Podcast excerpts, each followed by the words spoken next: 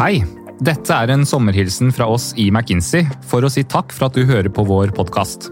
Vi er midt i sesong én, og etter sommeren inviterer vi flere spennende gjester hit i studio for å snakke om hvordan vi blir best rustet for i morgen. Men før det vil vi dele litt mer av samtalen vi hadde med Idar Kreutzer og Isabel Ringnes i episoden vår om likestilling. For våre undersøkelser viser at selskaper som har over 30% kvinner i ledelsen, gjør det opptil 50% bedre målt i lønnsomhet. Men pandemien har også gjort at likestillingen har tatt et skritt tilbake, også her i Norge. Samtidig så ser vi jo en stor digital utvikling i samfunnet. Men hva skjer da om vi lærer morgendagens teknologi å diskriminere?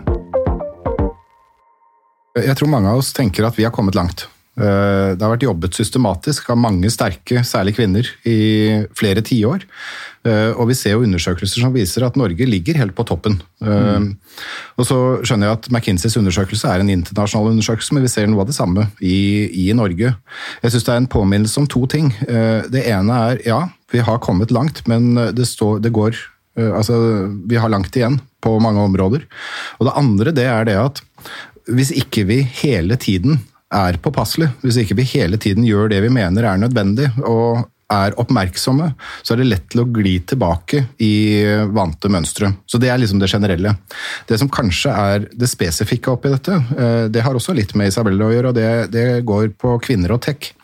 Altså Hvis jeg ser på vår virkelighet, så har jo digitaliseringen har skutt ordentlig fart gjennom 2020. Eh, vi har fått til en transformasjon som har gått raskere, med større kraft og vært mer vellykket enn noen hadde tatt sjansen på å tenke på, eh, før vi på en måte var i en situasjon hvor vi måtte. Og det er jo fremdeles sånn, En av de store bekymringene hos oss det er rekrutteringsgrunnlaget for kvinner med relevant tech-bakgrunn. Mm. Eh, så det er nok en litt mer sånn spesifikk problemstilling som blir veldig synliggjort nå, men som vi kommer til å måtte håndtere i de årene vi har foran oss. Mm. For, for Isabel, på det punktet, du er jo tech-gründer. Hvorfor er likestilling et veldig aktuelt tema i tech?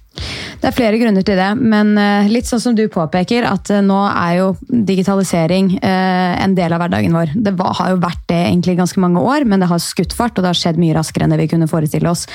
Det vil også føre til at det blir mye mer etterspørsel etter teknologer og utviklere og de som har digital kompetanse.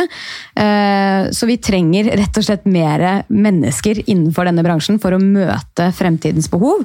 Men kanskje enda viktigere så er det jo det at teknologi kommer til å påvirke påvirke alle aspekter av våre liv. Hvordan vi kommuniserer, hvordan vi jobber, eh, hvordan vi navigerer.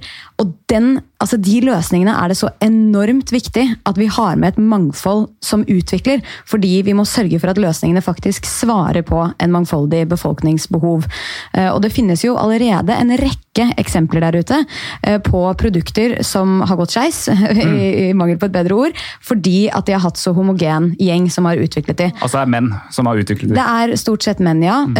Og og, og kanskje særlig hvite menn. Mm. Eh, det er jo et eksempel fra MIT som viser at noen av de mest kjente, eller en av de mest brukte datasettene til å trene opp bildegjenkjennelsesalgoritmer, består av 75 eh, menn, 80% hvite mennesker. Så de klarer da å gjenkjenne en hvit mann med 99% sannsynlighet, mens de har en error-rate på 35 hvis det er en mørk kvinne. Dette er jo teknologier som vi bruker hver eneste dag på telefonen vår, mm. men det er også teknologier som kommer til å bli integrert inn i f.eks. selvkjørende biler. Så man kan forestille seg scenarioer eh, fra liksom det helt hverdagslige til noe som er mer eh, altså som kan ha mer tragiske utfall, i form av hvem en bil faktisk gjenkjenner i ulike eh, episoder. Som selvfølgelig er veldig veldig viktig. Og så blir jo teknologien mer og mer usynlig. Det blir en slags tråd som syr hele samfunnet vårt sammen. Eh, og når vi ikke klarer å holde eh, teknologien vår ansvarlig fordi vi ikke helt skjønner hvordan den fungerer, selv ikke de som utvikler den skjønner helt hvordan den fungerer, for det er jo en del av dette maskinlæringsopplegget, så vil man ikke heller heller kunne se når er det teknologien faktisk diskriminerer, og når er den ikke gjør det. Mm. Og vil vi da sementere de allerede eksisterende forskjellene, og kanskje til og med forsterke de. Så Én ting er at mennesker diskriminerer mennesker, men en annen ting er at teknologi kan ende opp med å diskriminere mennesker også. Teknologi er utviklet av mennesker, mm. og det er basert på datasett som består av det mennesker har gjort tidligere. Så ja, helt naturlig.